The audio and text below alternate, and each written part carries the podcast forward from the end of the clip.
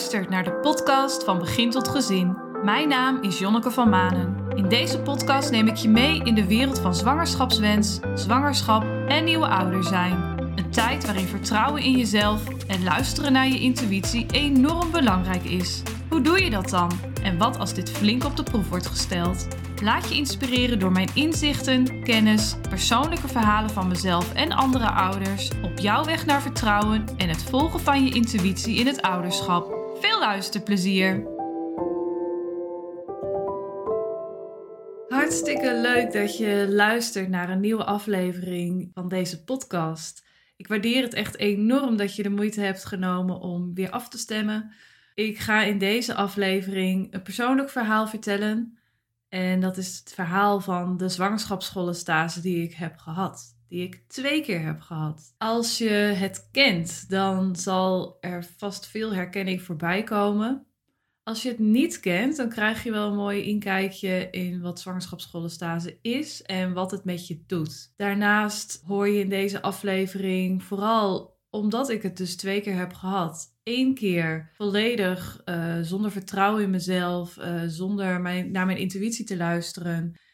En vooral ook helemaal niet bewust van wat het nou precies was en wat het met mijn baby deed, wat het met mezelf deed.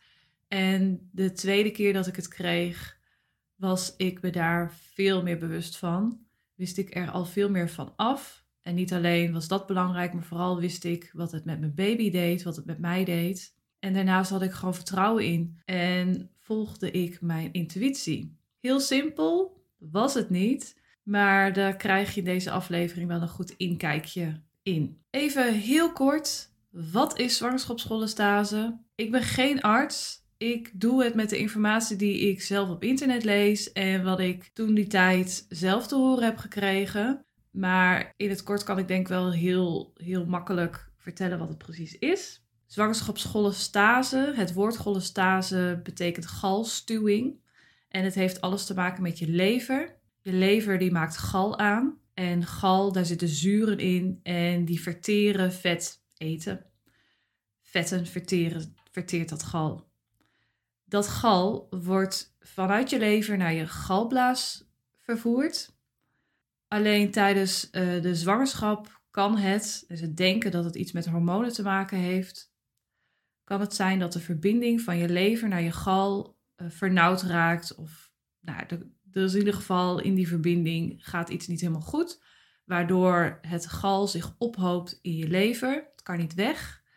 Waardoor het weer in je bloed terecht kan komen. En dat zijn uh, de galzuren, zouten die ze dan ook meten. Om te checken in hoeverre je cholestase hebt of niet. Die komen dan boven een bepaalde bepaald aantal uit. En dan ehm, kan in ieder geval een arts beoordelen of er galstuwing uh, plaatsvindt. Uh, omdat het in je bloed terechtkomt, komt dat dus ook via je placenta weer bij de baby terecht. En dat is uiteindelijk niet goed voor de baby. En met name in het laatste trimester uh, ontstaat zwangerschapscholestase vaak. En ook in het laatste trimester ligt het, nou ja, het gevaar voor de baby ook. Met kans op vroeggeboorte of nou ja, het risico na 37 weken zwangerschap is uh, het overlijden van de baby groter. Dat in het kort. Nogmaals, ik ben geen arts. Misschien zeg ik net iets niet helemaal goed, maar volgens mij heb ik het verhaal aardig uh, op een rijtje. En als zwangere merk je een gevolg van die ophoping in de lever is dus dat, die, dat het gal niet weg kan dat er dus dat het ook in je bloed terechtkomt. En een symptoom voor een zwangere vrouw is dus jeuk. Er ontstaat heel veel jeuk. En met name de handpalmen en de voetzolen, daar kan het ontstaan. Nou moet ik zeggen dat ik bij mijn eerste keer dat ik het had, uh, daar niet specifiek uh, de jeuk kreeg. de tweede keer wel iets meer, maar goed, toen was ik er misschien wel iets meer alert op. Maar de handpalmen en de voetzolen, daar kan het, daar kan het gaan ontstaan. En het verspreidt zich over het hele lichaam. En de jeuk is met name niet alleen vervelend, maar het is vooral niet uit te houden. Die jeuk is heel heftig en heel intens. En hoe meer galzure zouten er in je bloed zich ophopen, hoe hoger die concentratie is, hoe erger de jeuk. Ben je zwanger en denk je, hé, hey, ik heb wat jeuk. Uh, je hebt natuurlijk ook gewoon zwangerschapsjeuk. Specifiek als je het in je handpalm en je voetzolen voelt, bel, uh, trek aan de bel, zeker dan. Uh, en sowieso, als je denkt, hé, hey, ik heb jeuk, het voelt niet goed, geef het aan bij je verloskundige. Want je moet je ook niet geheel onprettig voelen. En, en jeuk is echt verschrikkelijk. Ik kan niet anders zeggen. Ze zeggen wel eens, jeuk is erger dan pijn. Nou ja, ik denk niet dat die vergelijking helemaal opgaat. Maar pijn heb je natuurlijk ook in verschillende gradaties. Maar, maar jeuk komt wel in de buurt. Ik weet ook um, uit ervaring, of in ieder geval uit mijn omgeving, hoe het is om chronische pijn te hebben, chronische zenuwpijn te hebben. En als ik dat vergelijk met de jeuk, mm, ja, dan komt het wel aardig in de buurt. Straks meer daarover. En mocht je nu luisteren en denken: Oh, ik krijg nu overal jeuk. Ik merk het nu aan mezelf ook. Krijg, als je over jeuk praat, net zoals met gapen, als er iemand gaapt, dan gaap je mee. En dat is nu met die jeuk ook. Ik voel het ook gewoon weer overal uh, kriebelen. Dus sorry als je ook nu uh, jeuk krijgt. Negeer het, voor zover het kan. Maar blijf vooral luisteren, heel graag zelfs. Goed, mijn verhaal. Uh, in 2012 ben ik voor de eerste keer moeder geworden. En in 2012 ontstond ook mijn jeuk. Ik was er niet onbekend mee, want mijn zus was een paar jaar daarvoor zwanger en zij had zwangerschapsschollestase. Mijn oma van mijn vaders kant, mijn oma, die kwam erachter en ik meen dat er ook een nicht is van mij die het heeft gehad, maar dat weet ik niet zeker. Zij kwam er toen de tijd achter van: hey, ik heb uh, toen ik zwanger was van mijn kinderen ook heel veel jeuk gehad. Maar ja, 60, uh, 60 jaar geleden bestond het nog niet. En kon, kon zij natuurlijk niet weten dat zij zwangerschapsschoolstase had. Vier keer gezonde kinderen gekregen, laat ik dat wel even vooropstellen. Maar zij herinnerde zich dat zij ook altijd jeuk had tijdens de zwangerschappen. Dus wij konden niet anders concluderen dat zij ook zwangerschapsschoolstase moet hebben gehad. En met die wetenschap dat en mijn oma het heeft gehad, met alle waarschijnlijkheid, en mijn zus, ben ik ook de eerste keer op controle bij de verloskundige met dat verhaal gekomen. Het zit in de familie. En dat is ook wel wat je terugleest op internet, dat het waarschijnlijk ook wel genetisch terugkomt. Dus mocht het in je familie zitten, wees er alert op. Dus met dat verhaal, uh, nou, die aantekeningen stonden bij de verloskundige. En ik heb het altijd wel in mijn achterhoofd gehouden. Op de een of andere manier voelde ik in mijn onderbuik, dat was mijn intuïtie die mij aangaf, Jon, wees er alert op, want het kan je nog wel eens overkomen. En misschien heb ik het mezelf aangepraat, dat weet je natuurlijk nooit. Maar mijn zwangerschap was het altijd wel een, uh, niet altijd natuurlijk, maar het, het kwam nog wel eens naar boven drijven. Meestal uit het zich pas in het derde trimester, dus uh, die eerste twee trimesters, ik was enorm misselijk. Ik had andere dingen aan mijn hoofd, dus die uh, voerde niet de boventoon. Totdat ik met 32 weken echt wel heel veel jeuk kreeg. Het was ook al wel tegen de zomervakantie aan. Het waren al wat warme maanden. Dus dan denk je, ach, misschien ligt het aan het weer. Maar goed, het was wel jeuk. En jeuk was bij mij wel meteen een trigger. hey, er kan nog wel eens wat meer aan de hand zijn. Dus zodoende ben ik ook bij de verloskundige terechtgekomen. En zij zei mij toen: Ja, het zou kunnen. Maar ja, je bent nu nog wel te vroeg in je zwangerschap om het te kunnen meten.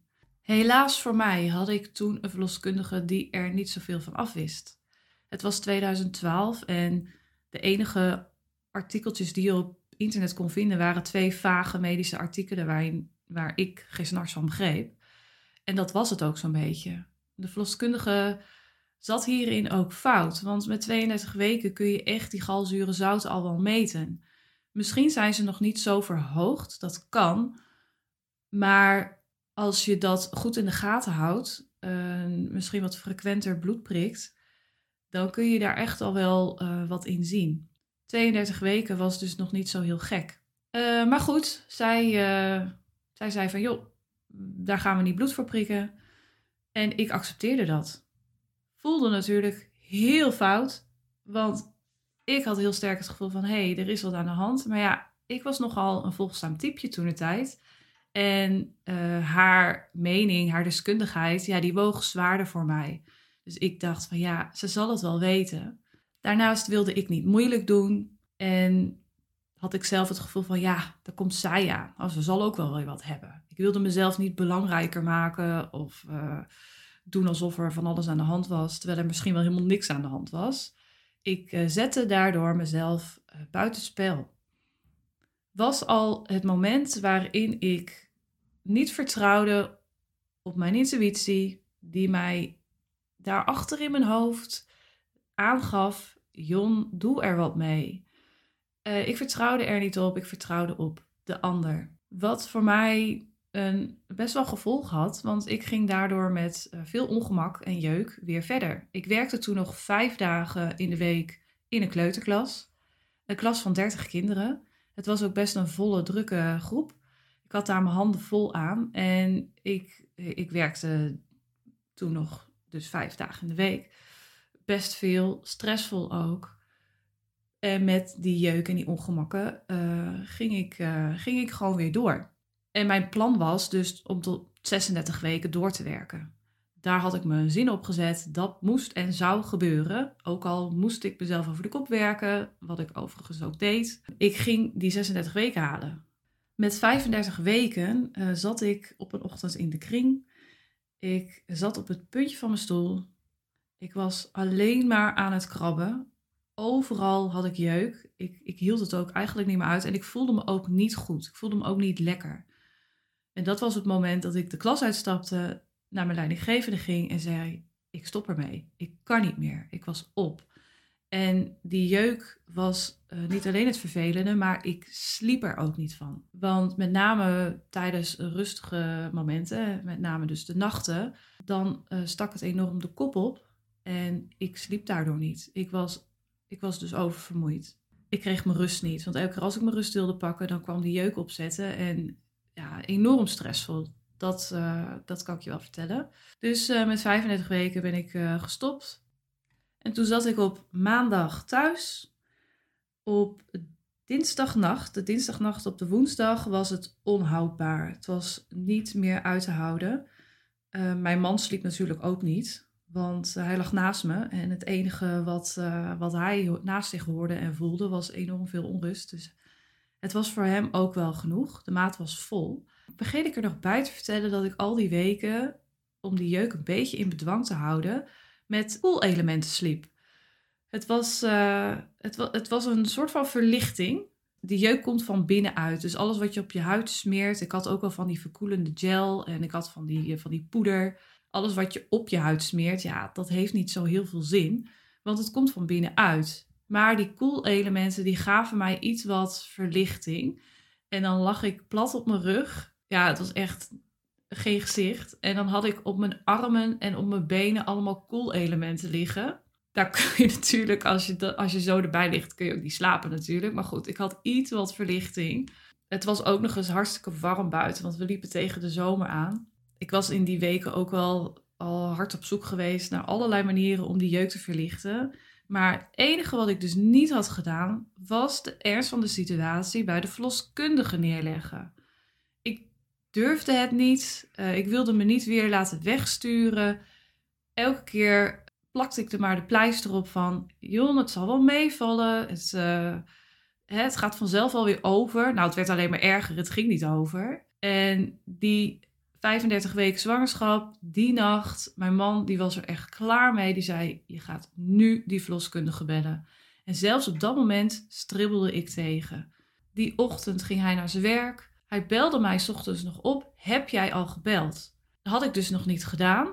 Ik durfde gewoon niet. Het was echt te belachelijk voor woorden. Ik durfde gewoon die verloskundige niet te bellen. Ik wilde. Je had dan zo'n noodnummer die je kon bellen. Ik deed het gewoon niet. En hij werd toen wat boos op mij. Dat had ik ook even nodig. Ik had echt die schop onder mijn kont nodig.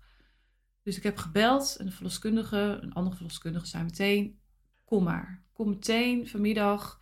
Dat gaf mij op de een of andere manier echt zo'n opluchting. Ik zat er zo enorm mee dat ik me zo slecht voelde. Ik was toen nog niet in staat om te zeggen: Hé, hey, het gaat niet goed. Ik, uh, pak, uh, ik pak die regie zelf in handen en ik ga ermee aan de slag.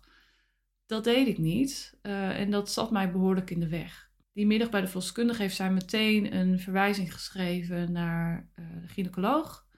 Daar kon ik de volgende dag meteen terecht. Hij ontving mij, ik ging zitten en het eerste wat die man zei: Mevrouw, ik krijg al jeuk als ik naar u kijk. Volgens mij weet ik het al. En nog even een korte controle. Hij ging nog even een, eh, een echo doen. Hij krabbelde wat op een papiertje. Hij zei: uh, Joh, je hebt een uh, uterus arcuatus. Ik weet niet of ik het goed uitspreek. Maar het kwam erop neer dat mijn baarmoeder een hartvormige, een, hart, ja, een deukje in het midden aan de bovenkant heeft. Het is hartvormig. En dat kwam er ook nog even bij. Hij krabbelde eventjes wat op een uh, klein memo-blaadje. Moest ik maar aan de verloskundige geven. Geen idee wat het was. Hij legde ook niet heel veel uit. En voordat ik het wist, stond ik uh, weer buiten en mocht ik bloed gaan prikken. De volgende dag, dat was op vrijdag. Ik was op die dag precies 36 weken zwanger. Die vrijdag zat ik bij de verloskundige. Ik gaf haar het briefje, zo van, alsjeblieft, de gynaecoloog heeft nog wat opgeschreven en uh, wat is het? Zij pakte het briefje, uh, kon net lezen wat er stond, maar wist niet zo goed wat het was. Nou, zij de praktijkruimte uit om naar een collega te gaan. En dan zit je daar met z'n tweeën. Mijn man was gelukkig mee. Je zit daar met z'n tweeën en denkt van, wat is dit? Eerst die cholestase, je wordt niet serieus genomen, je wordt eigenlijk een beetje afgewimpeld. Vervolgens uh, al die stress van al die weken. Je zit daar, je bent in het ziekenhuis geweest. Nou, ik was daarvoor nog nooit in het ziekenhuis geweest. Best wel spannend allemaal. Krijg je ook nog te horen dat je baarmoeder niet helemaal klopt. En dan zit je bij de verloskundige, verwacht je daar je antwoorden te krijgen, je rust te krijgen, je geruststelling. En dan loopt ze weg. Dus wij zaten daar in vertwijfeling. Toen ze terugkwam, bevestigde ze het verhaal. Ja, je hebt een hartvormige baarmoeder. Je placenta zit in een van die, van die holtes. Daar zit je placenta. Het kan zijn dat die niet loskomt tijdens de bevalling. Dat betekent dat je sowieso in het ziekenhuis moet gaan bevallen. Punt. Dat was, dat was het. Dat kwam nog eventjes erbovenop. Ik was al die maanden al in vertwijfeling. Wil ik wel thuis bevallen? Wil ik in het ziekenhuis bevallen? Ik, wil, ik kon mijn keuze niet zo goed maken was ook weer een stukje dat ik niet die verbinding zocht in mezelf, dat vertrouwen in mezelf had, dat ik het ook wel thuis kon.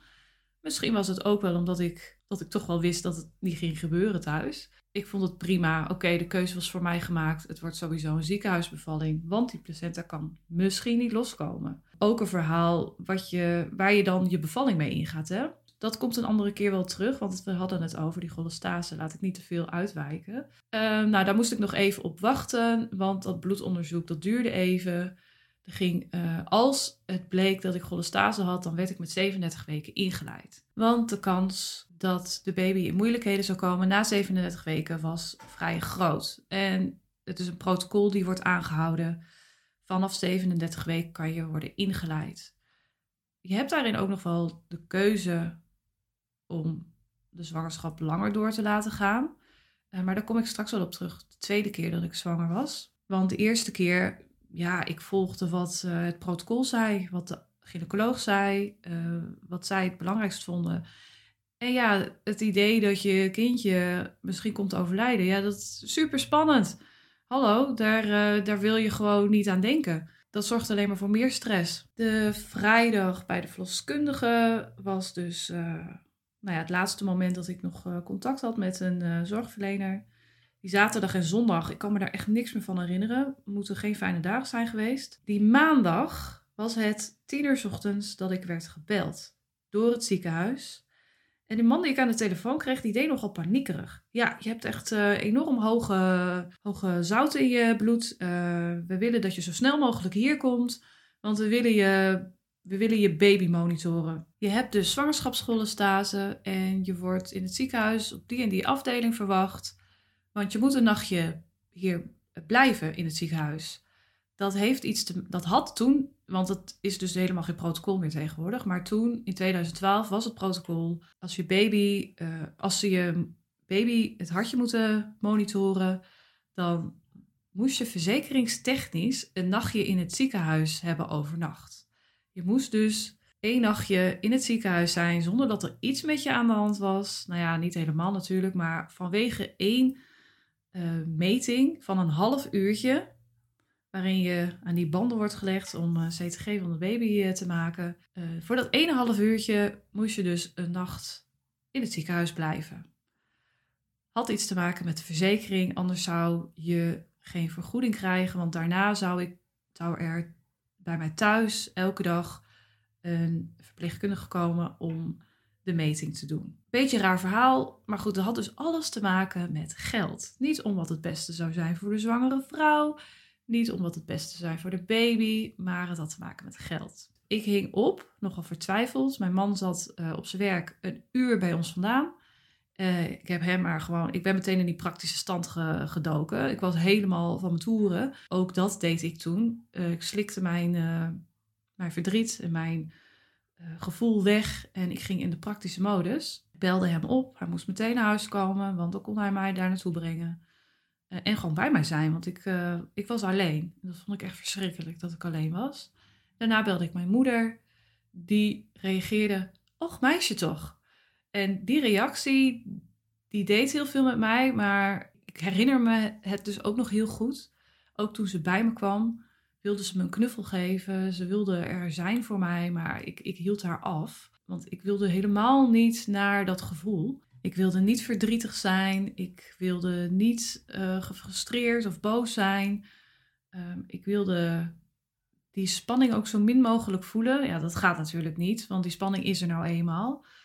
Maar goed, dat was hoe ik op, toen in die tijd met mijn gevoel omging. Dat was wat ik mijn hele leven gewend was. Als er iets gebeurde, iets vervelends, iets heel naars, dan slikte ik het in. Ik stopte het diep weg en ik ging weer verder. Dat, had, dat werkte heel goed. Uh, toen werkte dat heel goed ja, nadat ik moeder werd, werkte dat natuurlijk voor geen meter. Maar goed, dat komt nog wel eens een keertje in een andere aflevering. Maar op dat moment was dat ook wat ik deed. En dat heeft behoorlijke invloed gehad ook op de bevalling die ik uiteindelijk had. En de periode erna. En uh, geen goede uitkomst voor mij. Maar goed, ik heb dat ook nodig gehad om, uh, om een switch te maken in, mijn, in mezelf en in moederschap. Ik had ook een soort van haast, want ik moest per se om die tijd in het ziekenhuis zijn. Ik wilde absoluut niet te laat komen. Het ziekenhuis waar ik uh, naartoe moest was uh, toen nog oud ziekenhuis. En je lag toen met meerdere vrouwen op één kamer. Dus als je ging uh, bevallen, als je werd ingeleid, dan lag je met nog iemand op een kamer. Of misschien wel twee. zodoende kwam ik ook op een kamer met twee andere vrouwen. En ik weet nog dat ik die kamer inliep. En die vrouwen die lagen daar al een poosje. Of, ja, een beetje onwennig. Nou, ik moest maar gaan liggen, ik werd nog even onderzocht. En vervolgens werden die, die banden werden aan, aangegeven. Die moest ik goed bij me houden, want die had ik ook tijdens de bevalling nodig. Die moest ik dus ook, en die had ik ook uh, de dagen daarna nodig uh, als, de, als er thuis werd uh, gemonitord. En die banden, ja, als je het niet kent, je krijgt twee van die apparaatjes op je buik. Daar kunnen ze het hartje van de baby mee in de gaten houden. Die apparaatjes moeten natuurlijk bij elkaar gehouden worden. Dus heb je twee van die banden die om je buik heen worden gewikkeld die de apparaatjes op hun plek houden. En die banden zijn een soort van elastisch, uh, ja, lijkt op verband. ik had al zoveel jeuk en die banden maakten het alleen maar erger, want die kriebelden enorm. Ik vond ze echt verschrikkelijk. Maar goed, dan uh, lig je daar in het ziekenhuis en dan kun je geen kant op. Want dat is ook het nadeel van, van al die metingen. Je ligt vast op bed, minstens een half uur. Nou goed, dat half uur was natuurlijk snel voorbij, dus ik was gauw klaar. Maar ik mocht niet weg. Ik moest daar nog blijven. En mijn nachten waren verschrikkelijk. Ik hield het niet uit van de jeuk. En dan is het fijn als je thuis bent. Want dan heb je in ieder geval je eigen omgeving. Waar je gewoon kan doen en laten wat je wil. En ik lag daar nu vast op die kamer met twee andere vrouwen. Waarvan er eerst eentje werd midden in de nacht werd weggebracht naar de verlosafdeling. En daarna de andere ook. En ik hoorde ze kermen van, uh, van de weeën. En ze waren al veel verder in hun bevalling. En ik moest daar nog aan beginnen. En dan lig je op een kamer met twee vrouwen die daar dus middenin zitten. Ik was nog nooit eerder bij een bevalling geweest. En ik vond dat nogal wat. Dat kwam er even bovenop bij alle stress en gedoe die er al was. Zo moest het gaan. Dat was mij verteld. We deden het op die manier, want dat is het protocol. En ik heb daar niks tegen ingebracht, want ik moest het maar gewoon ondergaan. Dat was mijn idee. nu denk ik daar natuurlijk heel anders over. Zou ik dat echt niet op die manier zo laten gebeuren? Gelukkig gebeurt het ook niet meer op die manier. Maar mocht dat nog wel het geval zijn geweest, dan had ik dat zeker bij de tweede keer niet op die manier gedaan. Niet die nacht in het ziekenhuis en al die uh, metingen. Het hartje uh, in de gaten houden, dat doen ze ook niet meer, want dat heeft helemaal geen zin. Daar kunnen ze helemaal niks uh, uithalen wat betreft de cholestase en de invloed op de baby. Toen nog wel, in 2012, ja, ik voelde me enorm opgelaten. Dat is het goede woord. Ik voelde me heel erg opgelaten de hele nacht en die hele dag. Ik wilde die andere vrouwen niet storen die midden in hun bevalling zaten, uh, midden in de weeën. Ik wilde hen niet storen. Uh, maar goed, zij werden zo halverwege de nacht allebei uh, afgevoerd. Oh, dat klinkt heel naar, maar zo voelde dat, zo leek dat echt. Dus ik was op een gegeven moment wel alleen. De ochtend was ik alleen, echt vroeg in de ochtend. Um, dus kon ik wat meer, voelde ik mij wat vrijer om te bewegen en uh, mijzelf te verzachten en te verlichten van de jeuk. En de volgende ochtend nog een keertje uh, aan de banden, zoals ik dat altijd noemde. Moest aan de banden, er even aan het apparaat liggen. Volgens mij hebben ze toen ook nog wat bloed geprikt om nog eens een keer die uh, galzure zout in de gaten te houden. Want die concentratie verhoogt zich uh, wel met de dag en met de week. En toen mocht ik naar huis. Gelukkig mocht ik al uh, vrij vlot naar huis. En dat was de maandag op de dinsdag. De dinsdag mocht ik naar huis. Op de woensdag en de donderdag zou er iemand bij mij thuiskomen voor de meting. Die kwam dan met zo'n draagbaar apparaat. En uh, de vrijdag zou ik ingeleid worden. Dat was inmiddels in kannen en kruiken. 37 weken, precies 37 weken zou ik ingeleid worden. Die maandag dat ik in het ziekenhuis lag, die week daarvoor zat ik nog op mijn werk. Was ik nog aan het werk. Ging net mijn verlof in. En een week later zat ik in dat ziekenhuis. En anderhalve week later ging ik al bevallen.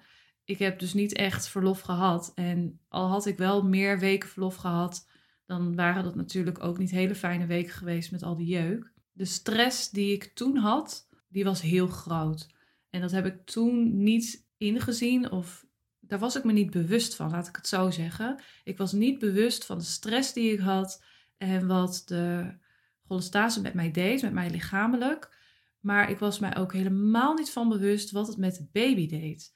En de gynaecoloog die zei tegen mij: Je baby ja, tuurlijk, die galzure zouten gaan naar je baby toe. En uiteindelijk, uh, die stoffen zijn ook niet goed voor de baby. En het is niet voor niks dat ze een protocol hebben opgesteld.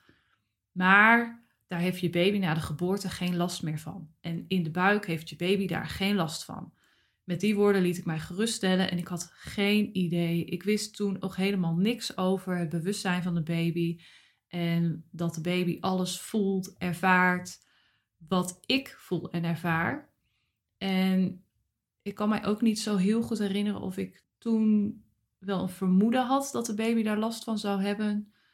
Volgens mij was ik daar helemaal niet mee bezig. Ik was zo bezig met mezelf. En als je het dan hebt over, ja, hoe hou je dan vertrouwen in jezelf? Nou ja, die is er dan gewoon niet. Mijn lichaam liet mij in de steek. Ik was zo bezig met alleen maar overleven.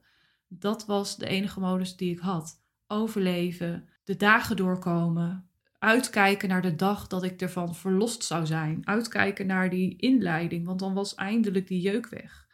Want nadat het kindje bevallen is, dan uh, werkt dat zo met cholestase dat je misschien nog wel een poosje daarna nog wel last hebt van jeuk. Maar de meeste jeuk is weg en het, uh, de ophoping in je lever, die, dat wordt langzaam minder. En uiteindelijk kan, kan die verbinding, die is weer intact. En als het goed is, werk je lever en je gal weer goed samen. Dus de cholestase, de galstuwing is dan niet meer aan de orde. Nou, daar keek ik naar uit. Ik wilde zo graag verlost zijn van, van die ellende. En omdat ik enorm vertrouwde op de zorg op de zorgverleners ging ik niet uit van wat ik zelf voelde. En ik voelde me helemaal niet fijn in dat ziekenhuis die nacht. Ik voelde me helemaal niet fijn met al die metingen. Ik voelde mij niet gehoord en ik deed daar niks mee. Ik liet het gewoon gaan. Ik ging echt enorm over mijn eigen grenzen heen. Nou goed, ik heb die twee dagen ook nog even gebruikt om uh, wat, ja, wat voor te bereiden ik had dus ook helemaal geen bevallingsplan. Ik weet ook niet of dat toen door de verloskundige ook wel werd aangereikt om een plan te maken. Het zal best kunnen hoor. Ik, ik had die niet. Ik wist niet wat ik wilde met de bevalling. Ik wist dat er een inleiding plaats zou vinden. Ik wist een beetje wat het inhield. Maar ik had dus helemaal geen plan. Daar heb ik die twee dagen waarin ik uh, me nog wat kon voorbereiden ook niet mee bezig gehouden. Er was geen ruimte voor. In mijn hoofd niet en ik uh, hield me daar niet mee bezig. Ik dacht, uh, ja, ik dacht eigenlijk helemaal niks. dat was het eigenlijk. Ik dacht helemaal niks. Zonder die bewustwording ebte dat vertrouwen weg en mijn intuïtie was, uh, was heel erg verstopt. Dat was uh, de eerste keer dat ik cholestase heb ervaren. En uh, de tweede zwangerschap kreeg ik het weer. Daar was ik ook al op bedacht, want de kans dat als je een keer cholestase hebt gehad, de kans dat je het nog een keer krijgt is vrij groot. dat percentage ligt, uh, nou, dat weet ik eigenlijk niet precies, maar die, die is, die is uh, ruim aanwezig. En ik wist wat er komen ging. Ik had niet een hele goede bevalling gehad. Ik heb geboortetrauma gehad. Tussen mijn oudste en mijn uh, jongste, daar zit 4,5 jaar tussen. Ik durfde ook eerder een zwangerschap niet aan. Ja, die hele periode was heel belastend voor mij en ik was er niet aan toe. En niet alleen ik, maar mijn man was er ook niet aan toe. Hij heeft ook best wel veel last van gehad in die periode. Vooral ook omdat hij niks voor mij kon doen. En hij heeft mij zien krabben en hij heeft mij ellendig zien wezen. En dat heeft hem ook niet in de koude kleren gezeten. Dus we waren eigenlijk allebei niet aan toe voor een volgende, voor een volgend kindje. Uh, nou goed, ik heb uh, een heel hersteltraject gedaan en uh, uiteindelijk waren wij allebei op een betere plek en konden wij weer een nieuwe zwangerschap aan. Want zo, zo voelde dat een beetje. We moesten het wel allebei kunnen dragen.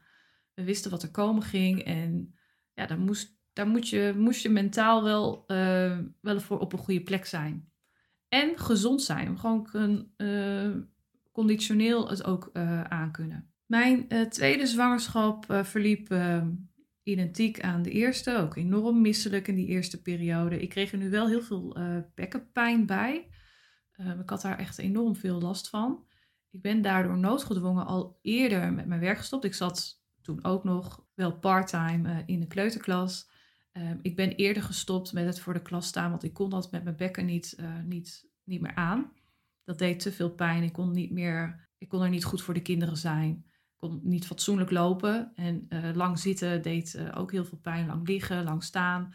Nou, ik moest het enorm afwisselen. En heel snel handelen, dat lukte me niet. Dus daar was ik al vrij snel mee gestopt. Nou, ik denk rond de 25 weken al.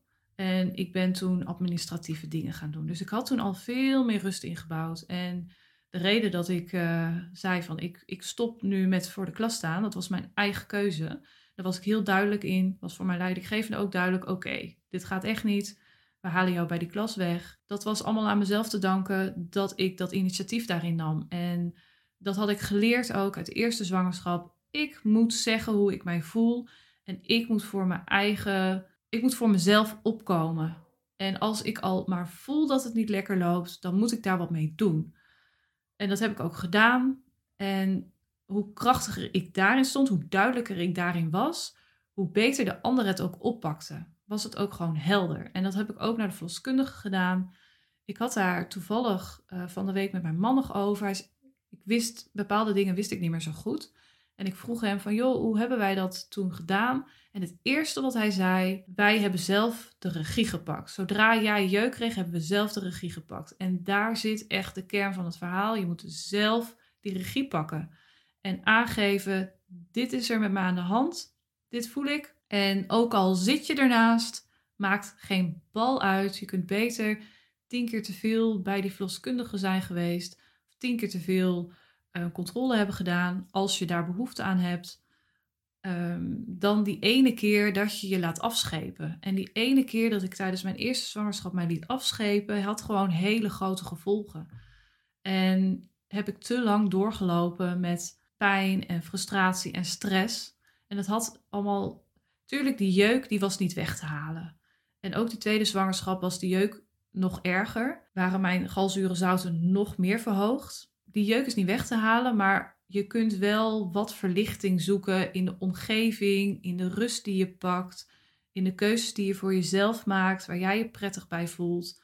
En ook al kun je die complicatie niet weghalen, daar konden we niks mee. Ik kon wel alles daaromheen, daar kon ik wel de regie op pakken. En dat, dat helpt enorm om de stress te verlagen. Die eerste jeuk begon bij mij al. Met 26 weken voelde ik al wat lichte tintelingen. En ik weet nog goed dat ik in mijn yogalesje stond met mijn armen naar voren. En ik voelde aan mijn vingers, ik voelde in mijn handpalmen. Dit keer voelde ik heel goed mijn handpalmen, mijn voetzolen. En ik dacht, oké, dit, uh, dit is herkenbaar. Uiteindelijk uh, met 30 weken, want dat, dat ging namelijk die weken, kwam het op en ging het weer weg. En ik voelde zelf aan, ik hoef hier nog niet zoveel mee. Dat was ook prima. Met 30 weken heb ik aan de bel getrokken en aangegeven, ik heb jeuk en ik weet wat er komen gaat. En natuurlijk, dat had ik de eerste keer ook op die manier kunnen doen. Het is niet zo dat je uh, bij de tweede keer iets meemaakt en je hebt ervaring van de eerste keer, dat je bij de tweede keer sterker daarin staat. Dat hoeft echt niet. Ook bij een eerste zwangerschap kun je jezelf daarin serieus nemen. Want jouw intuïtie, jouw vertrouwen geeft genoeg aan. En als jij daar heel goed naar luistert en daar heel goed mee in verbinding staat, dan kan de ander jou daarin ook serieus nemen. Want dat is natuurlijk het volgende. De ander uh, ik merkte tijdens de tweede zwangerschap dat ze mij veel serieuzer namen. Misschien was er ook al veel meer bekend over zwangerschapscholestase. Misschien had ik de juiste persoon tegenover me. Maar ik merkte ook tijdens de bevalling uh, aan de zorgverleners, aan de verloskundigen en de verpleegkundigen, dat ze me veel serieuzer namen. Misschien is dat het gevoel bij de zorgverlener van, oh, ze weet waar ze het over heeft, want ze heeft het al een keertje meegemaakt. Maar dat komt ook omdat ik heel duidelijk was. En hoe duidelijker ik was, hoe, hoe meer en hoe beter zij mij serieus konden nemen. Dus ook daarin geldt bij een eerste zwangerschap. Wees duidelijk en heel helder in wat je ervaart en wat je voelt. En wees daar niet onzeker over. Jouw gevoel, al heb je al enige twijfel, laat van je horen. Om terug te gaan naar mijn verhaal, uh, met 31 weken, of 30 weken, 31 weken ik bloed geprikt. Dat ging toen nog even mis ook. Ik las dat laatst terug in het verslag. Ik denk, oh ja, de, uitslag, de bloeduitslag ging naar de verkeerde persoon. Het was naar de verloskundige gegaan, maar die kon, die kon het niet aflezen. Dus het moest eigenlijk naar de huisarts. Maar mijn huisarts had de waarde verkeerd afgelezen. Die uh, zei dat het niet cholestase was, want mijn uh, galzure zouten, die, die waarde lag binnen een bepaald gemiddelde wat oké was oké in een situatie waarin er niet een zwangerschap plaatsvindt. Met een zwangerschap was die meting namelijk al iets aan de hoge kant. En dat had mijn huisarts verkeerd ingeschat. Dus ik ben die eerste, dat eerste bloedonderzoek ook op die manier, eigenlijk een beetje identiek, weer afgeschreven van je hebt geen cholestase. Je bloed is goed. Terwijl alles in mij zei, ik heb cholestase. En ik heb het er niet bij laten zitten. Ik heb mij niet laten afschepen. Ik ik ben gewoon volgens mij een paar dagen later weer naar de verloskundige gegaan. En eigenlijk geëist. Ik wil gewoon weer bloed laten prikken, want het klopt niet. En de verloskundige die ging daar ook in mee. Die, uh, vond ook, uh, die vond het ook terecht. Die wilde ook heel erg mij daarin. Uh, die wilde daar mij ook in tegemoet komen. En volgens mij heb ik een week later weer bloed geprikt. En inderdaad, uit dat bloedonderzoek kwam naar voren dat ik cholestase had. Yes, voor mij, gelukkig. Ik was uh, opgelucht, want uh, nu konden we doorpakken. Nu uh, wist ik ook dat er weer een inleiding aankwam. En ik had nog een aantal weken. Ik kon me nog een aantal weken daarop voorbereiden. En niet alleen ik kon me daarop voorbereiden, ik kon mijn baby er ook op voorbereiden. Want ik wist nu veel meer over mijn baby. Ik wist dat zij, ik wist toen nog niet dat ze een zij was, maar ik wist dat zij alles meekreeg. Ik maakte me daar ook best wel veel zorgen om, want ik wist ook, de zouten in mijn bloed gaan naar haar toe. Ik heb jeuk, maar wie zegt mij dat zij ook geen jeuk heeft? Wie zegt mij dat zij daar geen last van heeft? Zij krijgt giftige stoffen tot zich. Daar moet zij last van hebben. En ik maakte me daar wel heel veel zorgen om. Maar ik kon ook, omdat ik die verbinding met haar heel erg sterk had, kon ik haar daar ook in geruststellen. En kon ik het ook uitleggen aan haar.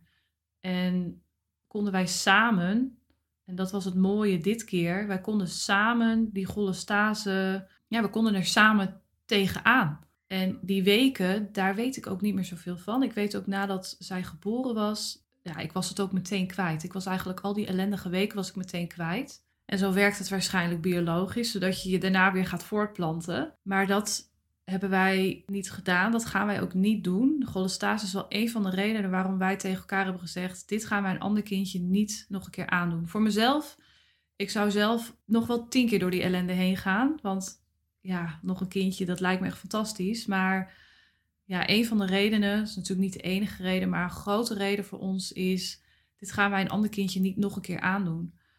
Wij weten dat onze meiden daar enorm veel last van hebben gehad. Zij hebben al die stress die ik heb ervaren, hebben zij ook gevoeld. Zij hebben ook heel veel stress gehad.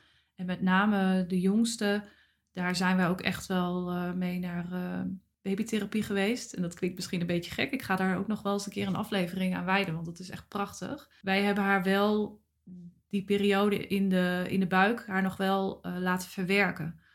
En ik weet dat ik we, zijn de eerste keer bij craniosacraaltherapie geweest. En zij lag daar op die bank. En ze was toen nog maar, denk, twee maanden. En ze lag op die bank. En die mevrouw uh, die de craniosacraaltherapie deed, die kon niet zo heel veel met haar doen. Want ze was zo overstuur. Uh, ze was, dat, dat was zij eigenlijk al die weken. Enorm veel gehuild. De oudste heeft ook heel veel gehuild. En al die stress moest ze kwijt. Ja, en baby's verlaten hun stress door veel te huilen. En de, de therapeute kon haar niet behandelen. En ze lag op die bank en met haar voetje deed ze een trapbeweging. Het leek een beetje als een konijntje die dan zo met zijn pootje heel snel loopt te trappen. En zij zag dat en ze zegt: Oh, het meisje heeft echt heel veel stress.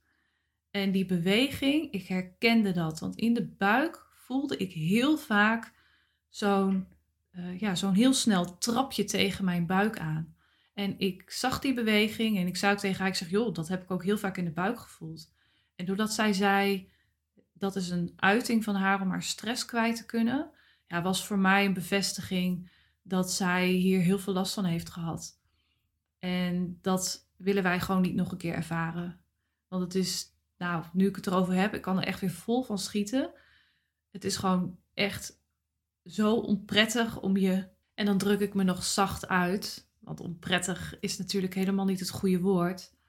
Het is hartverscheurend om je baby zoveel pijn en verdriet te zien hebben. Die baby die daar helemaal niks aan kan doen. En mijn lichaam kan niet de juiste, de gezonde omgeving eh, creëren voor, voor een baby in mijn buik. En dat vind ik ook best moeilijk om te accepteren. Want je lichaam laat je in de steek op die manier. En dat vertrouwen heb ik dan dus ook niet in mijn lichaam. Ik heb heel veel vertrouwen in hoe ik de tweede keer het heb aangepakt, hoe het gegaan is. Uh, met zoveel meer bewustwording van wat mijn baby doormaakt in die buik. En dat ik echt met haar daarover kon praten en in verbinding stond met haar. Die toch wel op die manier ook geprobeerd heb om, om stress bij haar weg te houden. Um, maar ja, ik, ik, kan, ik kan er niks aan doen dat het bloed bij haar komt en dat die verkeerde stoffen bij haar komen. Daar, daar kan ik niks tegen doen. Daar kan niemand wat tegen doen. En uh, ik had wel volledig vertrouwen in dat het goed zou komen. De angst dat zij het niet zou overleven of na 37 weken toch wel penibel werd. Uh, ik had er vertrouwen in dat zij gezond, in die zin gezond de wereld zou komen. En ja, ik heb nog wel eens met mijn man over gehad van joh, met derde keer, derde zwangerschap, niet dat het gaat gebeuren, maar ik weet niet of ik met 37 weken al een inleiding zou willen. Want een inleiding brengt ook heel veel stress met zich mee. Dat komt er nog eens bovenop. Als ik in zo'n situatie zou zitten en je wil je fysiek gewoon ontdoen van, uh, van de jeuk en van de ellendigheid waar je, waar je in voelt. En ja, het een weegt ook niet op tegen het ander. Je hebt er gewoon een stressvolle situatie. Een inleiding is een stressvolle situatie. Maar ik weet, ik weet ook niet of ik het vertrouwen zou hebben om dan na, na 37 weken de zwangerschap gewoon te laten doorgaan. Dat ligt dan ook heel erg aan de concentratie uh, zouten die er in je bloed zitten. boven de 100 is, uh, is heel gevaarlijk. En ik zat tegen, aan het einde zat ik daar al tegen aan. Dus ja, het is een afweging. Ik kan, die, ik kan nu heel makkelijk zeggen, nou nee, dan zou ik die zwangerschap door laten gaan. Want ik heb er vertrouwen in dat de baby wel zelf het moment aangeeft. En zelf wel zijn weg weet te vinden. Zelf de bevalling in gang zet. Maar ja, wie zegt mij dat die baby door al die afvalstoffen dat contact ook kwijt is. En niet meer zo goed weet hoe die uh, zijn weg moet vinden en de bevalling moet aanzetten. Ik vind het lastig. Het is kiezen uit twee kwaden. En de keuze om in te leiden, ja, daar heb ik mij de tweede keer niet echt door een protocol laten leiden, maar echt door mijn gevoel van, nou, ik, ik, ik, vind, ik voel gewoon dat, ik, uh, dat we dit moeten doen. Ook al wist ik ook wat het met zich mee zou brengen. Goed, heel veel. En ik merk aan mezelf ook dat ik het uh, heel veel vind. Ik hoop dat je er nog bent. Ik hoop dat je nog luistert naar uh, de verhalen. Waar ik heel nieuwsgierig naar ben, is of er ook vrouwen zijn die nu luisteren die dit zelf hebben meegemaakt. Want ik heb eigenlijk nooit iemand gesproken die dit ook heeft gehad. En er is in Nederland ook niet echt een soort van groep, supportgroep of een community. Of ik heb er niet goed naar gezocht. Uh, maar ik ben heel benieuwd. Laat dat van je horen. Ik ben uh, heel actief op Instagram. Maandag, punt van begin tot gezin. Daar kun je mij vinden. Ik ben namelijk ook heel nieuwsgierig of bijvoorbeeld voeding, of daar nog wat in zou kunnen zitten. Uh, daar heeft de gynaecoloog nooit met mij over gesproken, verloskundige ook niet. Want het is een kwestie van je lever die vet verteert. En die zuren moeten, dat vet moet afgebroken worden door, die, door dat gal. En zou er iets met voeding ook kunnen zijn? Nu wordt er, worden er vaak medicijnen voorgeschreven om de jeuk te verlichten. En daar heb ik daar ook al wel een artikel over gelezen. En dat is een onderzoek geweest in 2019. Dat het medicijn wat wordt voorgeschreven, Ursogol is dat uh, dat het helemaal niet helpt tegen het verlichten van de jeukklachten. Daarnaast uh, doet het ook uh, niks voor de baby. Dus is het medicijn wel de juiste manier om, om de cholestase, die is niet tegen te houden. En ja, denk daarover na of je de medicijnen dan wel zou slikken. En ik weet, ik, weet niet of ik het zelf nog een keer had gedaan. De tweede keer wist ik daar ook niet zoveel van af. Heb ik het ook gewoon geslikt. En de dosering werd elke keer verhoogd, want het hielp bij mij niet. Dat zou voor mij een reden zijn om het niet nog een keer te doen. Ook omdat ik ook niet mijn baby weer aan medicijnen wil blootstellen. Maar dat is mijn mening. En ga vooral je eigen mening af. Want ik wil niet uh, daarin um, jouw keuze gaan beïnvloeden. Dat is echt je eigen keuze. En overleg dit met je zorgverlener. Overleg het met je gynaecoloog. maar ik ben heel benieuwd of voeding, de juiste voeding, daarin ook nog een rol zou kunnen betekenen. Want hoe meer vet je tot je neemt, kan me voorstellen dat je lever moet dan extra hard werken om dat vet te verteren. En die kan zijn weg niet vinden. Dit kan niet, dat kan niet weg. Dus um, ja, ik ben wel, dat maakte mij eigenlijk nu ik hiermee bezig was heel nieuwsgierig. En ja, ik zou ook adviseren, ga eens met een diëtiste daarover uh, praten. Over de verzadigde en de onverzadigde vetten, wat je dan het beste kan eten. En voeding is gewoon heel belangrijk ja, iets om over na te denken. Ik ga daar zeker nog wel eens uh, uh, wat mee verder onderzoeken. Goed, de aflevering zit erop. ik ga hem afsluiten. Lang genoeg geweest. Ik hoop dat je mij gaat volgen. Abonneer je vooral op deze podcast. En dan hoop ik je heel graag weer terug te zien. En bedankt, heel erg bedankt. En tot gauw.